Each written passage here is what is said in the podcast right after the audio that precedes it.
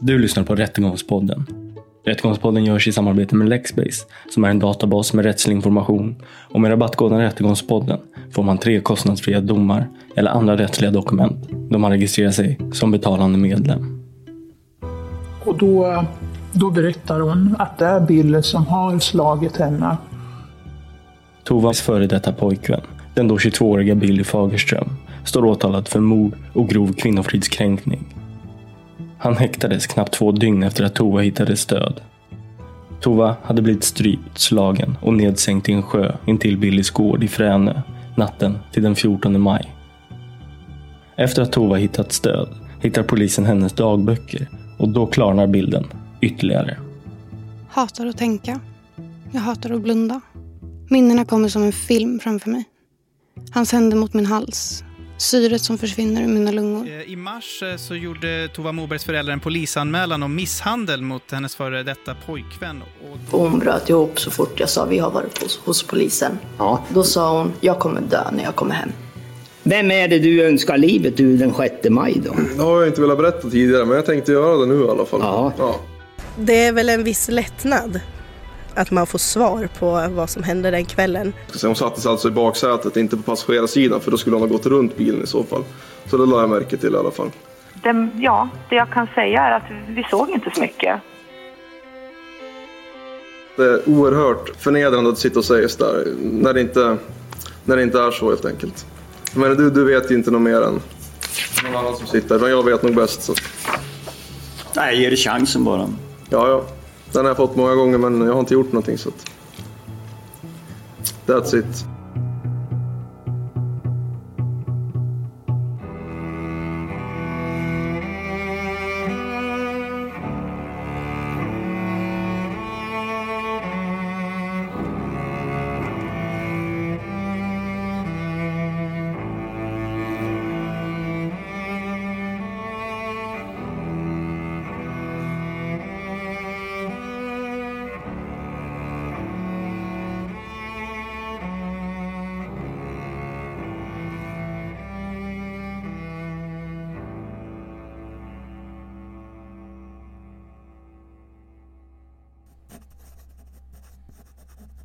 Fredag 5 augusti 2016.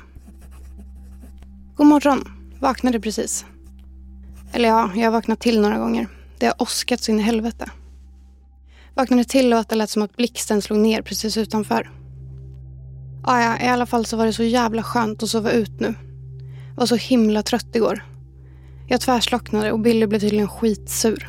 Så nu för typ fem minuter sedan så kom hans mamma och hämtade honom. Innan han gick frågade jag om han inte ville vara med mig idag. Och då sa han, jag har väl bättre saker för mig. Undrar hur det blir nu då. När polisen utreder mordet på Tova med åklagaren Christer Sammens i spetsen hittar man alltså Tovas dagbok och lär sig mer om hur Tova och Billys förhållande såg ut. Där framträder en bild av Billy som svartsjuk och psykiskt instabil och med ett behov av att utöva kontroll och makt över sin flickvän. Förklarade hon varför hon skrev den där dagboken? Eh, nej, inte mer än att hon ville att det skulle komma ut om det hände någonting med henne. Och vad skulle kunna hända med henne då? Det som just har hänt. Ja, men sa hon det då eller är det bara någonting du tänker nu? Nej, det sa hon till mig. Vad sa hon då? Eh, hon sa jag vill att folk ska få reda på hur han har betett sig mot mig om det är så att jag dör.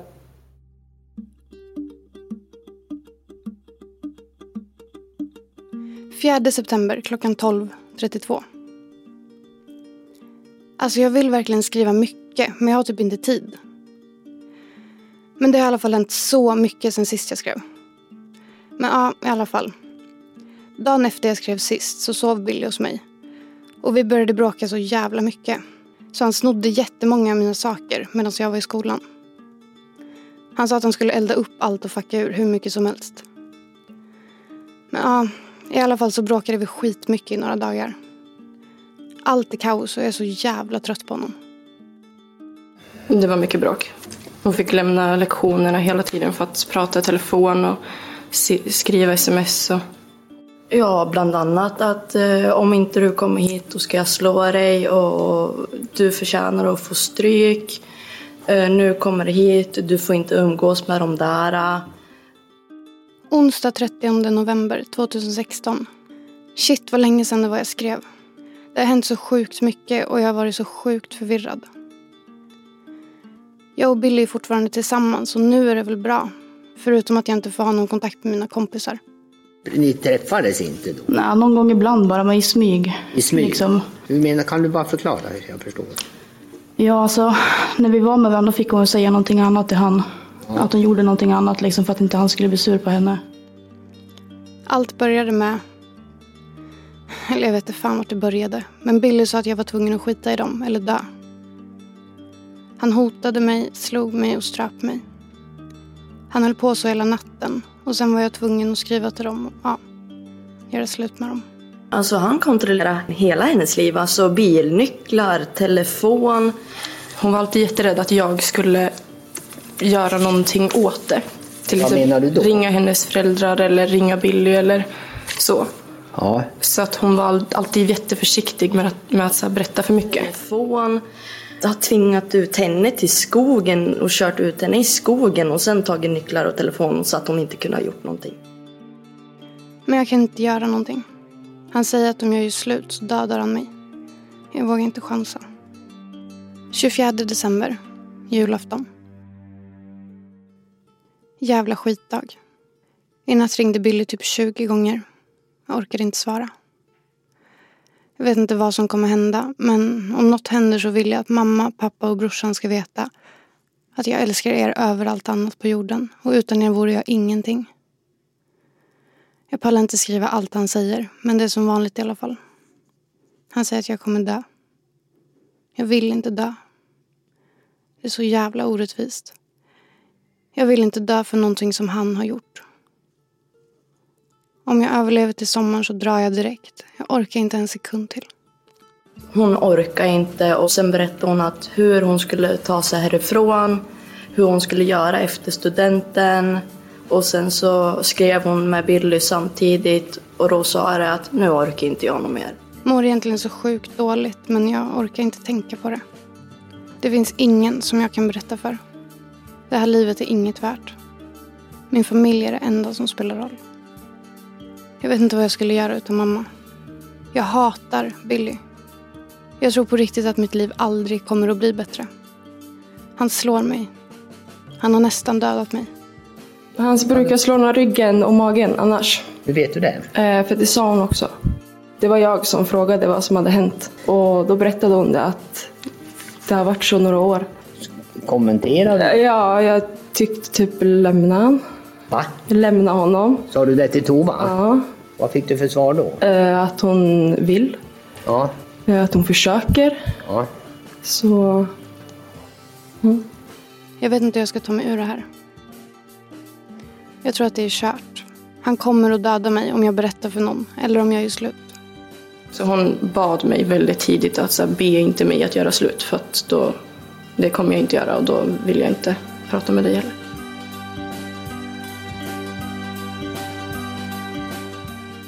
Under flera år var Tova tillsammans med Billy.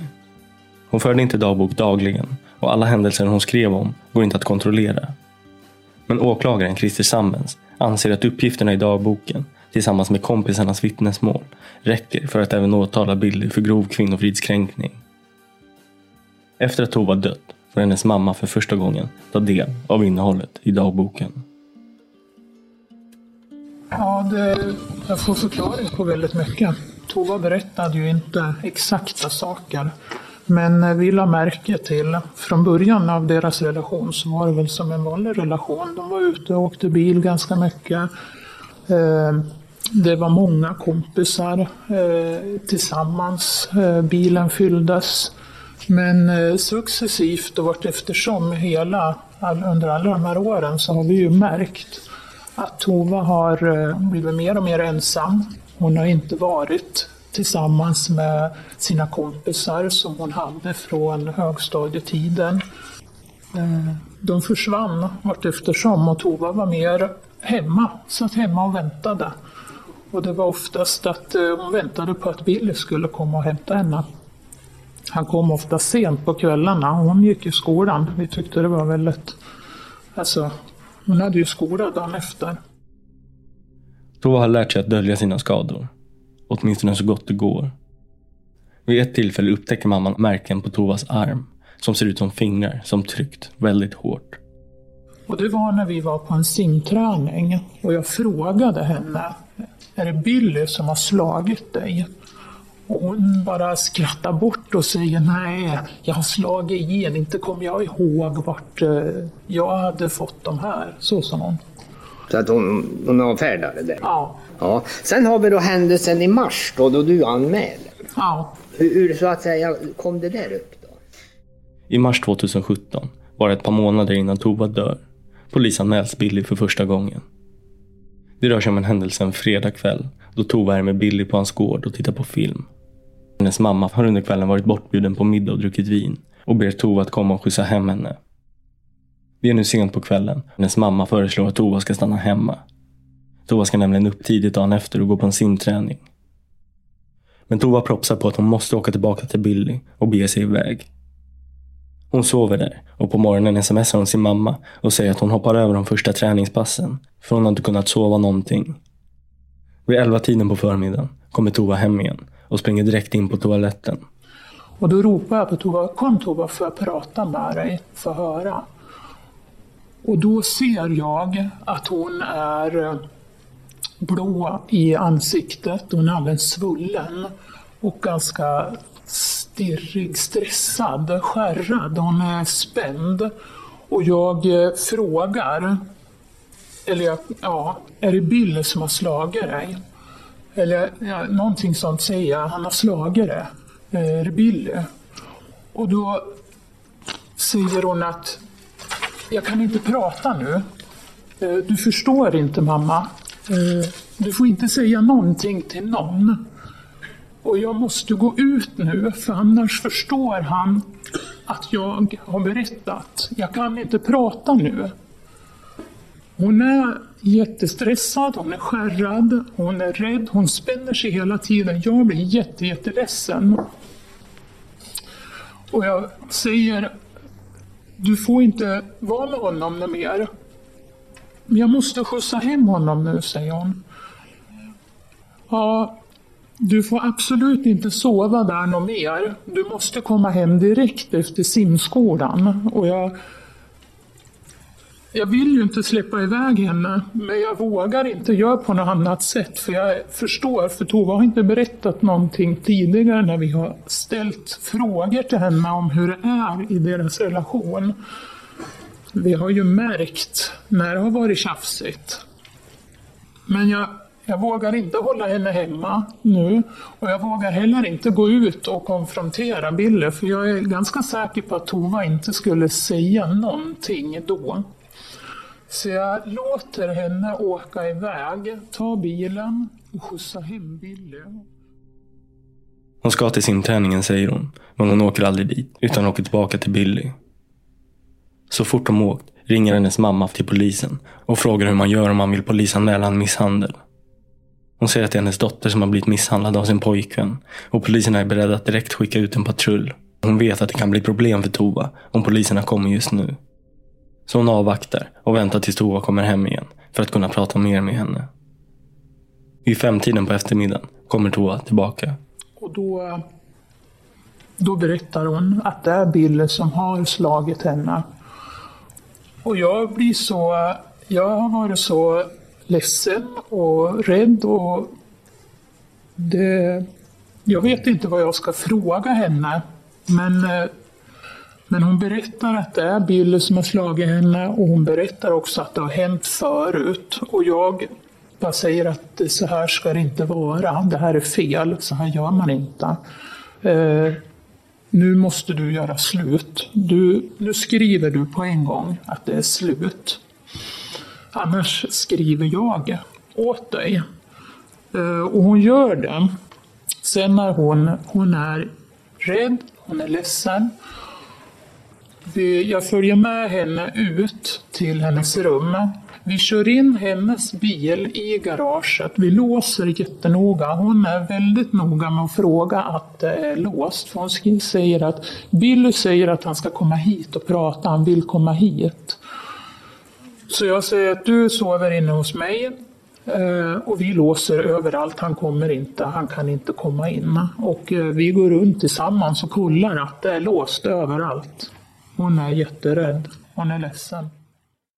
Tova gör slut med Billy och hennes mamma polisanmäler nu händelsen. Tova tillägnas ett målsägande beträde men Tova gör tydligt att hon inte vill medverka i en polisutredning. Så polisanmälan fullföljs aldrig. Tova och Billy tog avstånd från varandra och kontakten dem emellan upphörde ett kort tag. Men de började så småningom att i viss utsträckning träffas och ha kontakt igen. Men inte i samma utsträckning som tidigare. Även Tovas kompisar har innan den här händelsen också velat polisanmäla Billy. De har haft något större insyn i hur Tova har haft det. Trots att hon har varit sparsmakad i detaljer om vad som har hänt. Tovas kompis Moa har vid så många tillfällen hon kunnat tagit bilder på Tovas skador och på hoten Tova får av Billy via Snapchat. Jag sparade, jag förde över det till min data som jag sedan förde över till ett USB-minne. Ja. Och sedan då så lämnar du över det till polisen? Ja. Mm. Om Den dagen hon var försvunnen. Förlåt? Den dagen hon Ja, jag försvann. förstår. Moa har lovat Tova att den dagen någonting händer henne så går hon till polisen med det USB-minne hon har bilderna på. Och mycket riktigt så går Moa till polisen samma dag som Tova försvann och lämnar in det. Alltså hon ville ju inte att det skulle komma ut. Men jag förklarade för henne att den dagen vi, du inte pallar någon mer, den dagen du verkligen vill få dit honom eller hjälpa honom eller att det inte går.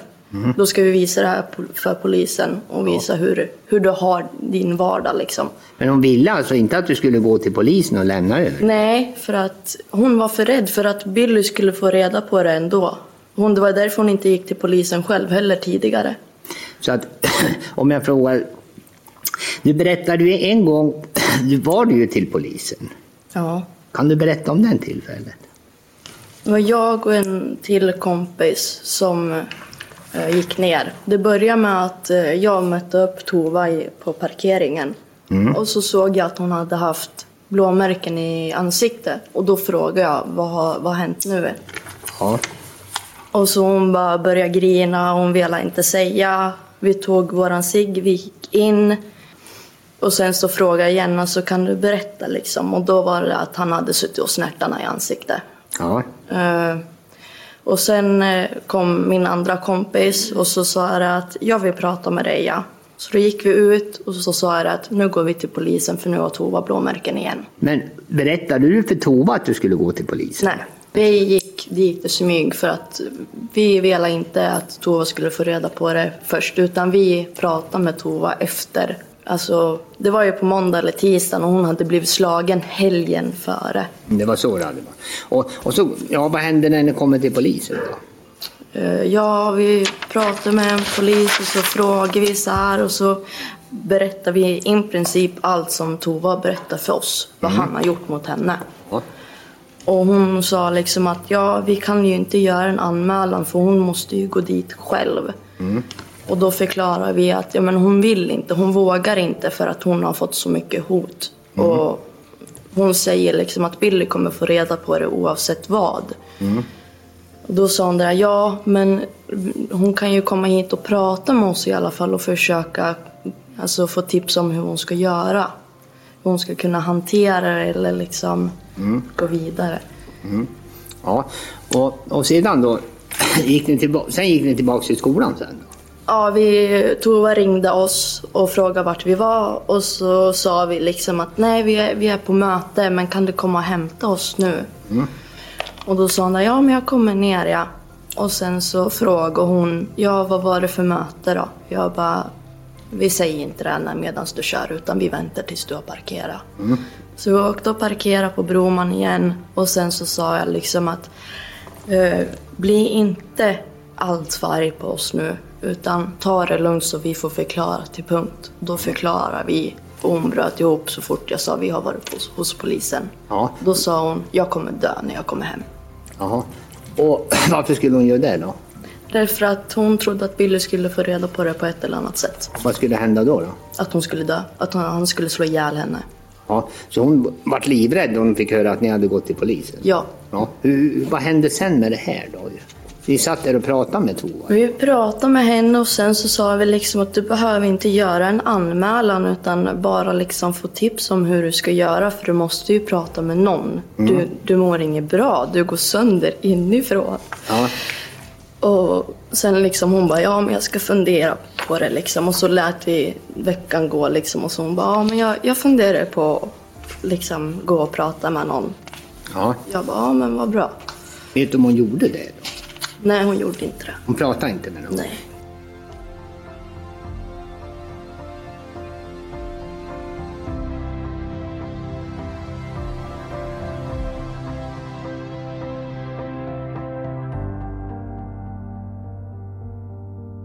- 29 december klockan 21.59. Allt känns så jävla sjukt. Billy skrev idag. Det började med att han var arg och jag skrev till honom att jag hatade honom. Och att allt var över och så vidare. Och sen började han att smöra mer och mer och nu har han helt plötsligt lovat att aldrig någonsin slå mig igen. Jag vet inte om han säger så bara för att jag ska börja lita på honom igen. Eller om han faktiskt menar det. Vi får väl se. Söndag 19 februari klockan 17.07. Igår hände det igen. Billy fuckade ur och slog mig så min högra överarm är helt lila. Han lugnade ner sig till slut och jag var såklart tvungen att fixa någon som kunde jobba istället för mig utan att pappa fick veta det. Det löste sig. Senare på kvällen åkte jag hem för att äta middag. Jag ljög för pappa och sa att jag hade varit på badet så att de inte skulle undra så mycket. Sen åkte jag tillbaka till Billy för jag hade lovat det. Han tror att jag är otrogen hela jävla tiden så han började rota igenom min telefon och hittade tydligen att han var blockad från det jag lägger upp på My Story. Jag minns inte ens varför jag kryssade i den. Men då blev han helt jävla tokig. Han slog mig, slängde mig på golvet, sparkade mig och ströp mig flera gånger. Min hals är alldeles uppsvälld. Jag spottade blod också. Jag trodde till hundra procent att jag skulle dö igår. Jag fixar inte det här. Det blir bara värre och värre. Nästa gång dödar han mig. Jag ser helt jävla trasig ut. Min överläpp sprack så det blev blod på kudden. Jag tror på allvar att jag antingen brutit eller fått en spricka i mitt revben. Och sen hittade jag en äldre skada i- form av en, en revbensfraktur som var då läkt. När Tova hittats död får rättsläkaren Stina Ahlström uppdraget att obducera kroppen. Och hon upptäcker många skador. Uh, skadebilden var ju omfattande ehm, och, och bestod av eh, skador förenliga med, med trubbigt våld. Eh, huvudsakligen eh, över huvudet, en del på halsen och en, en del på bålen. Och eh, på extremiteterna en, en del. Eh, Men de mest allvarliga skadorna gällde huvudet. Det var dels, eh, om man går utifrån och in, eh, sår i skalpen. Ett, ett omfattande antal. Eh, I skallen omfattande frakturer. Eh, Och sen såna här mindre eh, hudavskrapningar i ansiktet och blåmärken. Eh, Och i, inne i skallen eh, blödningar och eh, på, på hjärnan eh, stötblödningar och, och det som kallas för, för lacerationer, det vill säga slitningsskador. Eh, och de här skadorna så, så undersöktes närmare av en, en neuropatolog eh, som, som gjorde en, en så kallad neuropatologisk undersökning av hjärnan.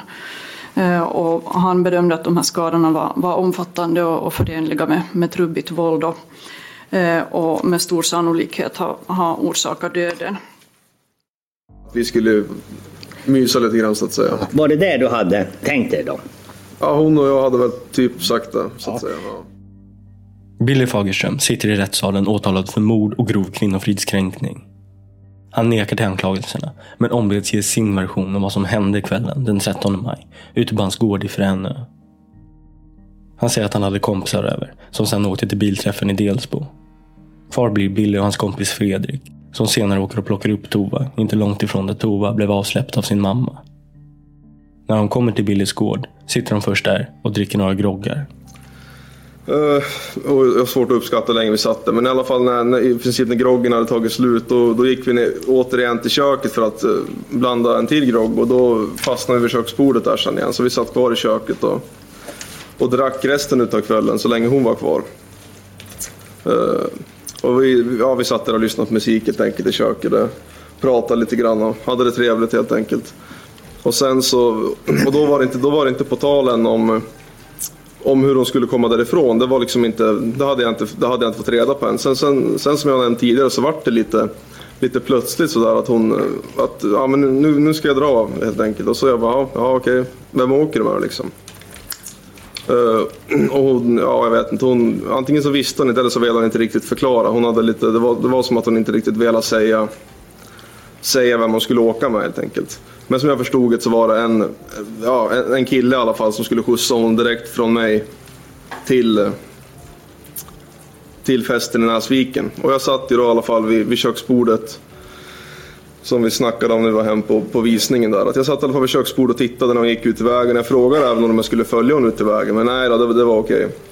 Jag visste att hon var vinglig och full så det var speciellt därför jag frågade. Liksom. Så hon vinglade ju på men hon, hon, hon ramlade inte eller så. Hon kom absolut ut i vägen. Liksom.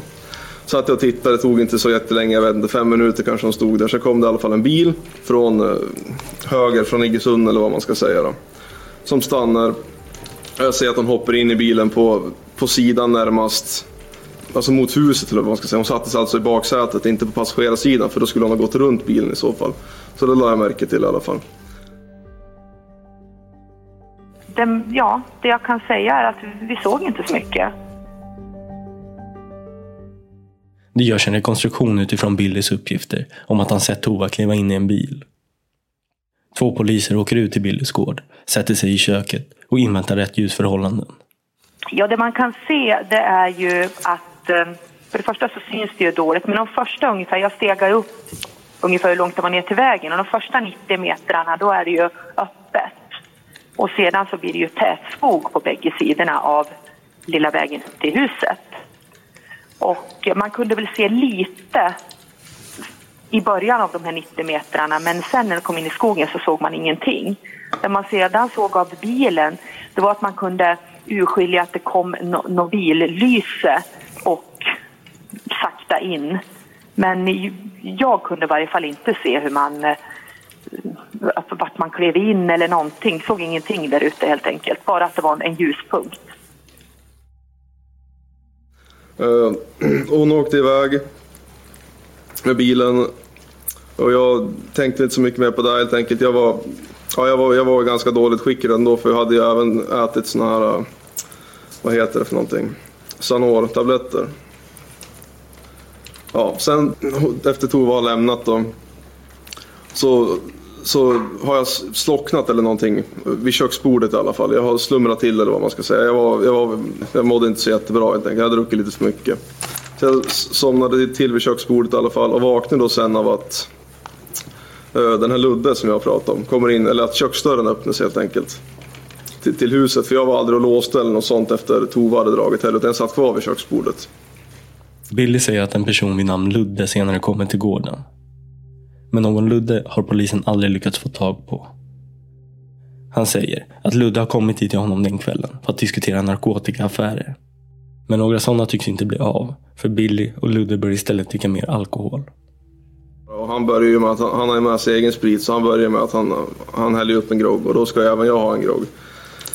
Men jag säger klart och tydligt att jag, jag, vill, jag vill inte ha en till. Liksom. Jag känner att jag jag är ingen pigg liksom. Och det var väl mycket för att jag hade druckit för mycket och sagt för att jag hade käkat sådana tabletter också. Så att, ja, jag mådde skitdåligt helt enkelt. Sen efter det så har, inte jag, så har jag en...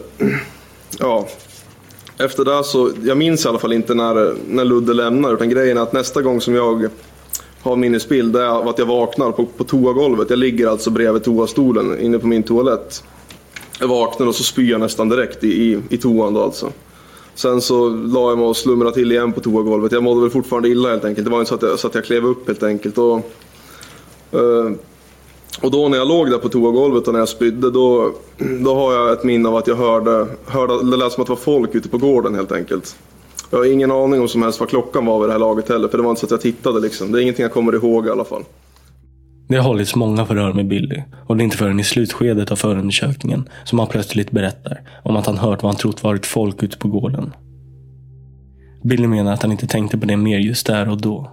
I alla fall så börjar jag känna, jag börjar känna mig trött och börjar må lite illa igen. Så då går jag i alla fall och lägger mig i, i min säng. Och somnar då. Helt enkelt. Och sen eh, vaknar jag runt, runt åtta uppskattningsvis i alla fall. Billy berättar vidare vad han gör dagen efter. Han vaknar upp, cyklar till sin styvmamma, tar ett bad och möter Tovas mamma. Han medger även att han senare under kvällen ljuger för polisen då det hålls förhör med honom. Samt att han uppmanade kompisen att göra detsamma. Han menar att det var för att han var paranoid.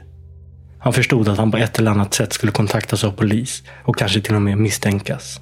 Polisstation, eller det första förhöret som jag hade sen jag varit anhållen, då erkände ju jag direkt att vi hade lämnat ett, en falsk historia och jag berättade att det var för att jag var paranoid och så vidare. Uh, ja, så där är jag nog ganska nöjd tror jag. Mm. Billy poängterar att Tova har lämnat gården. Hon har enligt honom inte befunnit sig på hans gård under natten. Sen vad man funderar över när du sitter där så skickar du ju ett antal sms där. De här grabbarna som har varit i Delsbo nu då, mm. de vill ju komma tillbaka. Ja. Men se det går ju inte. Nej. Varför går inte det då? Ludde har kommit. Ja men Ludde har kommit säger du. Ja. Om jag förstår det rätt så måste väl så att säga Tova vara kvar där i köket då du skickar? Inte när Ludde kommer eller? Nej, inte då han kommer. Men, men, innan, nu, nu sitter ju du och så att säga när jag skickar första smset att inte de kan komma, då har Ludde kommit dit. Du skickar ju här ett sms. Kom inte till ön är här med Ludde nu 23 och 27, 37 och 85. Mm. Ja. Och då säger du, gött, kom inte, kom, å, så kom inte hit. Okej, okay, hur länge där då? Vet inte. Sidan 37 och 88. Ja. Sidan 37 och 89. Okej, okay, men hur länge? Någon timme till säger så pass. Klockan är noll, hon är över ett då. Ja. Samtidigt så, så har ju Tova då ett samtal där hon pratar med Emma 0116. Ja. ja. Hon sitter, du sitter och smsar med dina kompisar och Emma har ett samtal då med... Eller Tova har ett samtal med Emma i två minuter. Ja. Ja. Mm, jag ringer upp henne och frågar vart hon är eftersom hon sa att hon skulle komma och hämta mig. Vittnesmålet från Emma om att Tova säger att hon under natten är hos Billy väger tungt och är svår för Billy att förklara. Eh, och då så sa hon att hon är hemma hos Billy. Sen kvart över ett var sista gången jag pratade med henne. Vad säger hon då? då? Hon säger att hon är hos Billy, att de letar skjuts därifrån. Ja. Eh, att, och jag frågar om de bråkar. Hon ja. lovar att det är lugnt. Ja.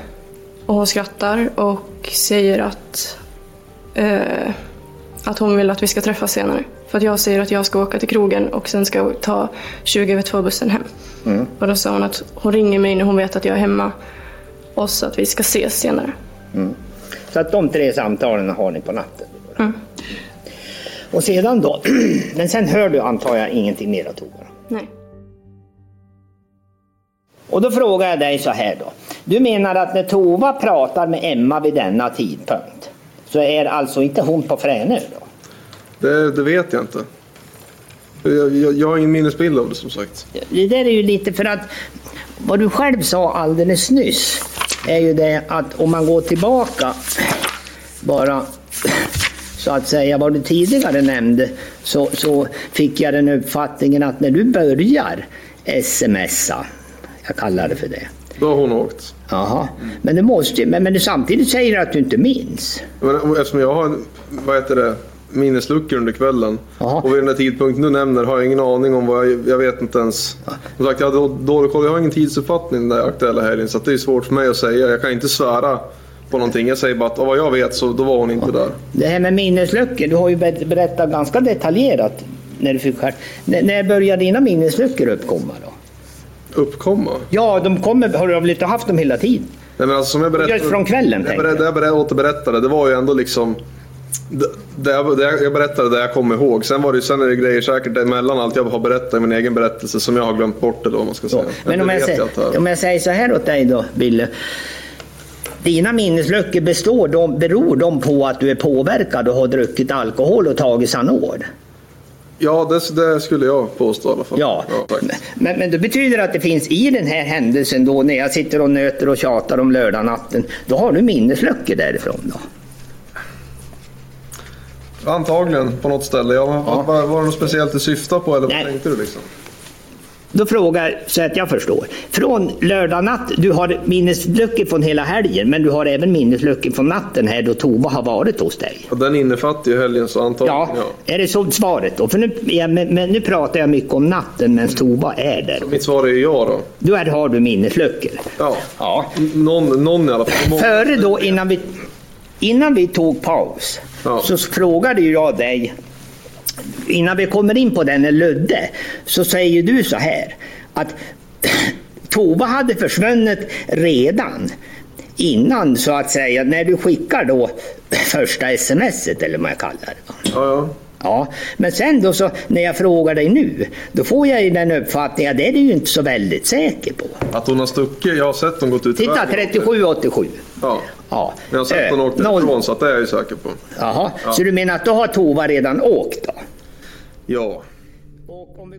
Billy har alltså alltid hävdat att Tova lämnade hans gård tidigare på kvällen, innan Ludde kom. Men Billy reagerar tydligen inte på då åklagaren Christer Sammens frågar om Billy har minnesluckor under natten då Tova är hos honom. Då frågar, så att jag förstår. Från lördag natt, du har minnesluckor från hela helgen men du har även minnesluckor från natten här då Tova har varit hos dig. Och den innefattar ju helgen så antagligen Ja, ja. är det så svaret då? För nu, ja, men, men nu pratar jag mycket om natten medan Tova är där. Mitt svar är ja då. Då är, har du minnesluckor. Ja. Ja. Tova var hos Billy under natten. Åklagaren Christer Sammens teori är att de båda är ensamma på Billys gård när han stryper henne, slår henne med minst 20 hammarslag mot huvudet och sedan binder fast hennes kropp vid en skottkärra som han sänker ner på två meters djup, bara 10 meter ut i sjön vid hans bostad. Billy har även fäst en fälg och en lyftstropp vid skottkärran. Det förstnämnda för att skottkärran ska sjunka till botten och det sistnämnda tror åklagaren är för att han vid ett senare tillfälle ska kunna lyfta ut skottkärran på djupare vatten. Efter det skottar Billy upp en hög med grus över det blod som spillts och eldar upp sina kläder i en tunna. Vid sjutiden på morgonen cyklar han till sin styvmamma och tar ett bad. Några timmar senare är han tillbaka på sin gård. Till polisen säger han att han har sett Tove åka iväg i en bil och att han själv gått och lagt sig och somnat. Men Billys egen mobiltelefon säger någonting helt annat. Enligt en app som registrerar rörelser har han rört på sig vid flera tillfällen från klockan 02 till framåt tidig morgon. Det är då han gör sig av med kroppen och försöker gömma undan spår, menar åklagaren. Billy missar dock den rulle silvertejp som han använder för att surra fast Tova vid skottkärran. Resten av den hittar polisen i hans hus och den matchar tejpen runt Tova. Motivet skulle vara svartsjuka och psykisk instabilitet. Åklagaren Christer Sammens vill fråga Billy hur han mådde efter uppbrottet med Tova. Ja, alltså det var väl jobbigt som sagt i början. Det, det, har, jag, det har jag ju nämnt tidigare också. Men, men sen som sagt så kom vi överens ganska bra när vi beslutade att vi skulle fortsätta ses. Men att som sagt vi skulle backa ifrån varandra ett steg. Men vi skulle ändå fortsätta ha en relation på sätt och vis. Om jag säger att du tog det där väldigt hårt och blev väldigt psykiskt nere, är det fel av mig det? Ja, det är fel av dig. Ja. Den 18 april så finns det då, en, då har det varit mottagningsbesök. Bille berättar att han nu i lördags åter var till akuten på grund av att han fick darrningar och stickningar i händerna. Han är orolig att han har något fysiskt fel. Den 18 går det, är du alltså vid hälsocentralen och bland annat då redan den 15 hade du varit på akuten. Då. Det betyder att du först den 15 gör ett läkarbesök och redan den 18 gör ett annat. Ja, Ja, det, det absolut. ja. ångest står det diagnos. Ja, det är ju AC Schibby läkaren som säger det. Ja. Om man tittar här så inom loppet av en vecka gör du fyra läkarbesök. Ja, ja. Ja, då måste jag fråga mig. Helt plötsligt så drabbas du av en väldig psykisk ohälsa.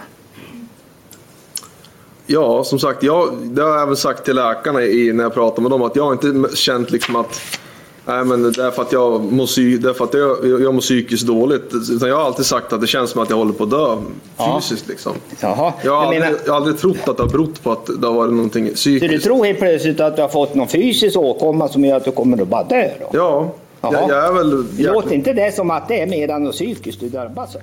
Ja, men jag skulle inte trodde på att... Du chattar ju. 667. 667. 667. Då har du en chatt med en som heter Linnea Westberg? Och det kan man ju undra vad du, så att säga, vad du syftar på. Billy heter jag, står det. Ja tack, men alltså vet inte ens vad jag ska säga. Det enda som skulle kunna få mig må bättre vore om en viss person bara försvann för evigt. Eller fick någon grov CP-skada eller blev rullstolsbunden. Finns kan, inte... Kan åklagaren vänta lite? Vad är det för färg på protokollet? Mm. Vad är det för färg på... Det är grönt, C1. Där.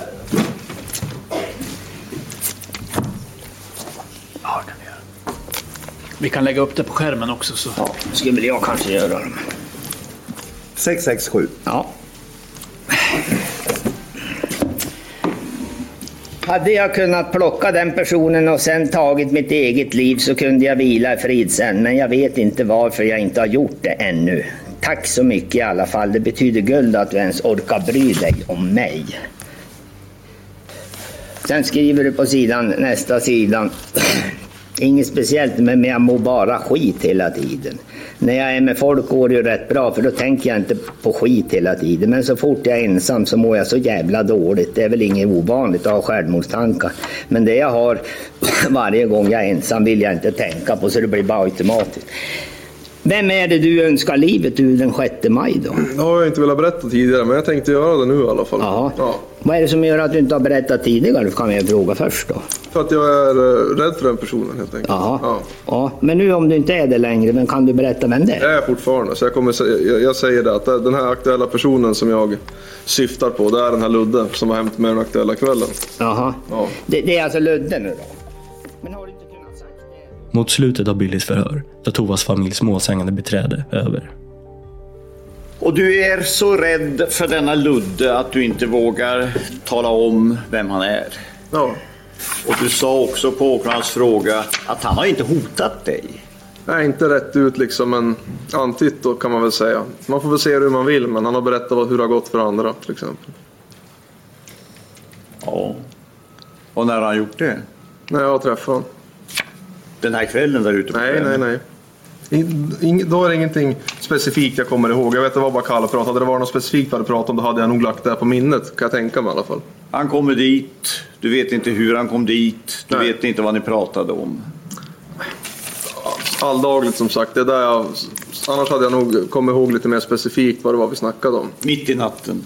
Ja. Varför, Lördag så att säga. varför tar du in honom i din berättelse överhuvudtaget? Har det inte varit lättare att bara lämna honom utanför? Ja, det, det, det är en fråga i sig det liksom. Men jag, jag berättade allt som hade hänt och då, ja, då ingår ju han i berättelsen. Så, att, det- så att det är väl den, den enkla anledningen helt enkelt.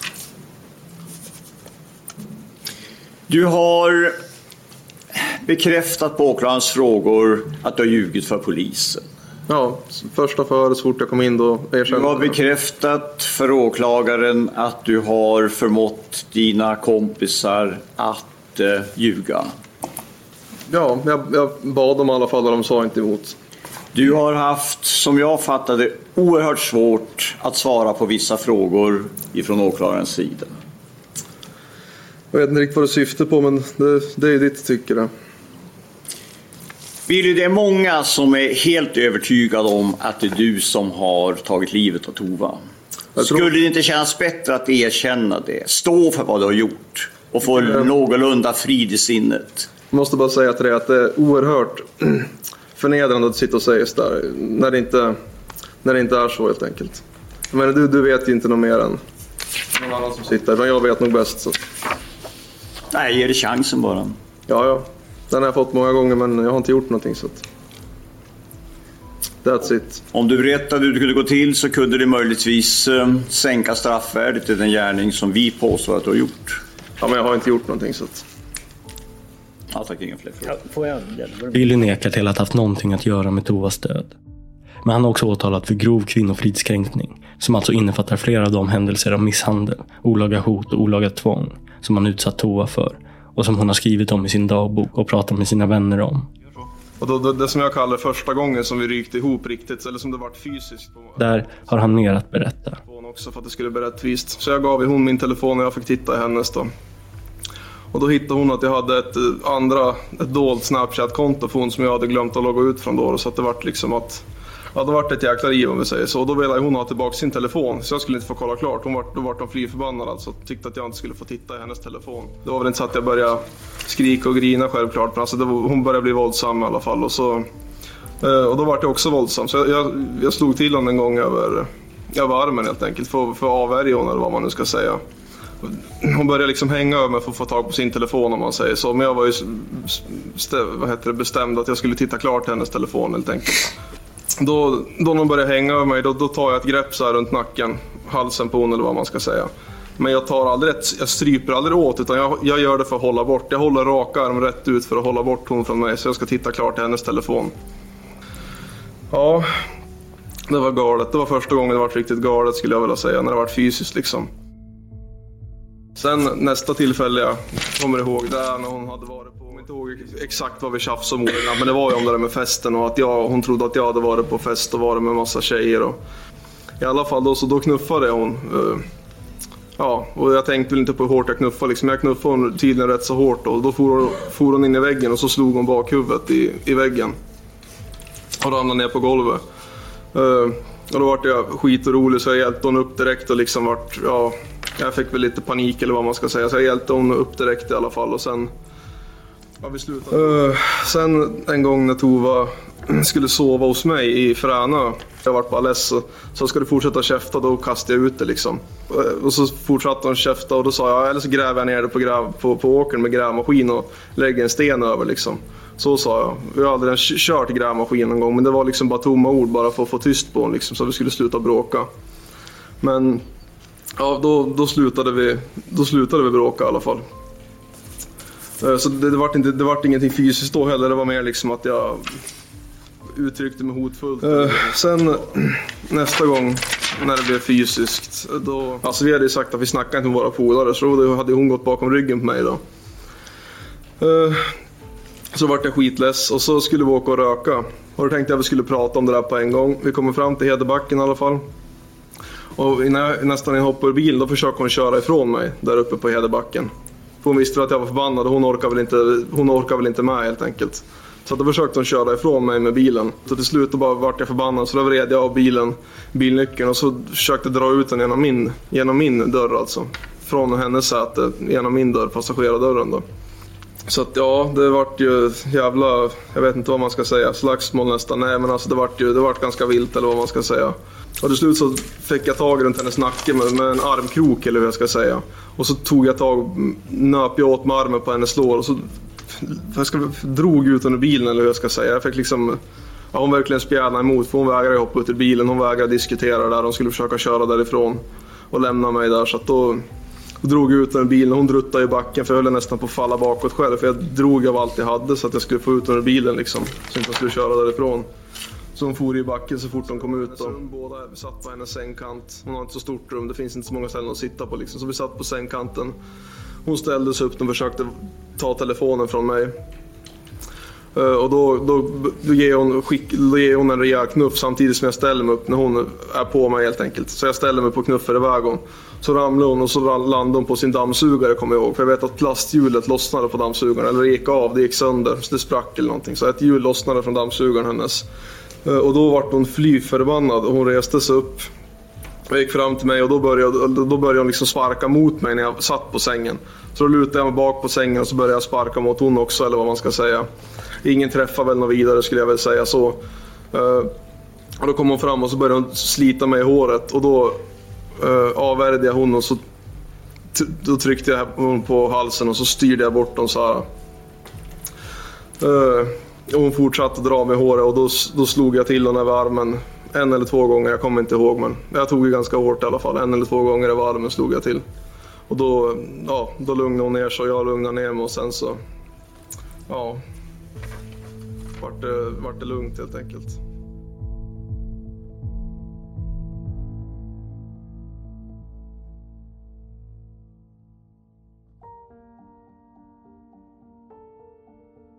Det finns inte någon rimlig alternativ förklaring till det som är utrett om hur Tova dödades. Sammantaget anser tingsrätten att det inte går att dra någon annan slutsats än att Billy är gärningsmannen. Bevisningen visar att Billy handlat med så kallat avsiktsuppsåt. Gärningen kan inte bedömas som mindre grov. Billy ska alltså dömas för mord. Resultatet av den rättspsykiatriska undersökningen visar att Billy inte begått gärningen under påverkan av en allvarlig psykisk störning och att han inte lider av en allvarlig psykisk störning. Någon annan påföljd än fängelse kommer därför inte på fråga. I det här målet finns det flera försvårande omständigheter. Billy har vägt i princip dubbelt så mycket som Tova och varit fysiskt överlägsen henne. Och brottet har skett på en avlägsen och relativt ödslig plats där hon i praktiken saknat möjlighet att undkomma eller få hjälp. Hon har varit helt skyddslös. Tova har haft avvärjningsskador i form av en fraktur på tummen. Och detta tyder på att hon, när hon var vid medvetande, försökte att skydda sig mot det kraftiga våld med hammare som riktats mot hennes kropp. Enbart detta slag måste ha orsakat Tova svår smärta. Av de märken hon har haft på halsen måste slutsatsen dras att hon har försökt värja sig mot det strypande våld som riktats mot hennes hals. Hon måste ha känt sig maktlös när hon har kämpat för sitt liv och hunnit känna allvarlig dödsångest.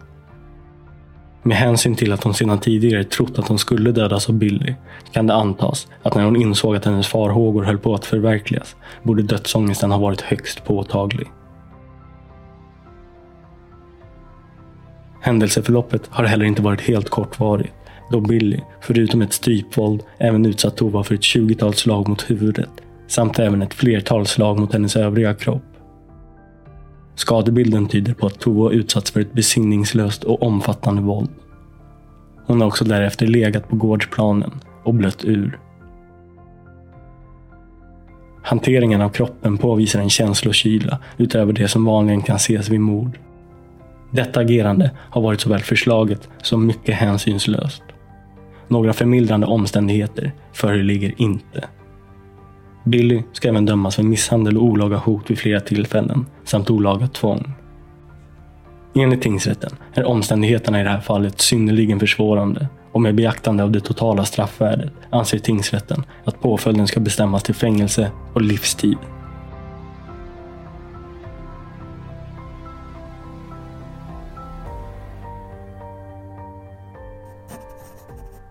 Men Bill är inte nöjd med sin livstidsdom och överklagar till hovrätten. Han är inte heller nöjd med sin advokat och den 21 februari 2018 skriver han ett brev till tingsrätten om att få byta advokat. Billy skriver. Jag är bara 23 år gammal och har blivit dömd till livstidsfängelse. Jag och min advokat har inte haft samma åsikter om upplägget av mitt försvar. Jag upplevde att han inte ställde åklagaren mot väggen och ifrågasatte utredningen bättre. Jag tycker det var ett dåligt upplägg av vittnesförhören vid rättegången. Jag upplevde att engagemanget inte var 100% eftersom vi inte hade samma uppfattning i många frågor. På grund av ovan nämnda skäl har jag tappat förtroendet för min nuvarande advokat helt och ansöker härmed om att få byta advokat till Thomas Olsson. Gävle den 21 februari 2018. Billy får sin vilja igenom och hans försvarare byts till advokat Thomas Olsson. Thomas Olsson tillkallar inga nya vittnen till hovrättsförhandlingen och det gör inte åklagaren heller. Ingen ny bevisning presenteras och i hovrätten lyssnar man igenom alla vittnesmål som togs upp under tingsrätten. Den 17 maj meddelar hovrätten att man fastställer Billys livstidsdom. Mitt namn är Nils Bergman och du har lyssnat på Rättegångspodden. Ansvarig utgivare är Jonas Häger. Stort tack för att ni lyssnat och tack även till Joella Busk som gjorde rösten till Tova.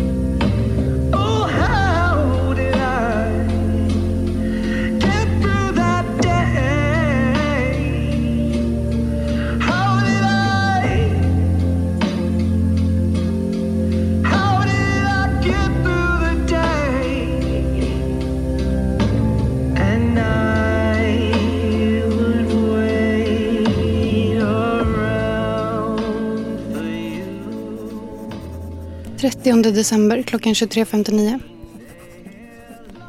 Hatar att tänka. Jag hatar att blunda. Minnena kommer som en film framför mig. Hans händer mot min hals. Syret som försvinner ur mina lungor. Läpparna som börjar sticka. Har spelat avsvimmad säkert två, tre gånger för att klara mig. Jag undrar om han faktiskt skulle kunna döda mig. Idag har han fortsatt att skriva och han lovar att fixa allt. Jag har inte så mycket att välja på än att hoppas på att han faktiskt gör det. Men jag tror inte det.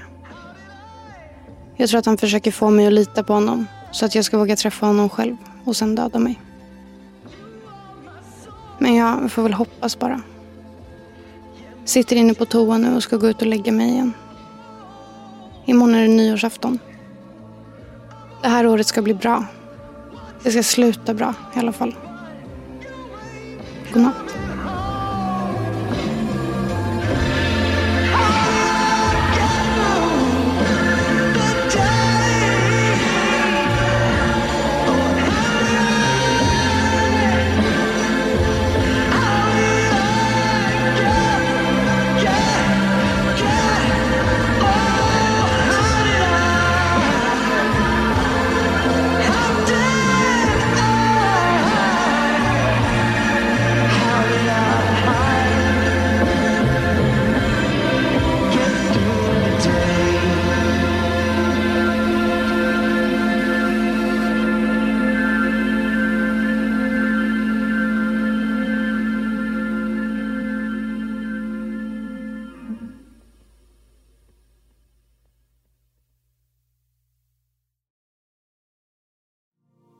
Rättegångspodden är en Tall Tale produktion. Ansvarig utgivare är Jonas Häger. Och Rättegångspodden görs i samarbete med Lexbase. Ange rabattkoden Rättegångspodden när du blir ny betalande medlem på lexbase.se och få tre kostnadsfria domar.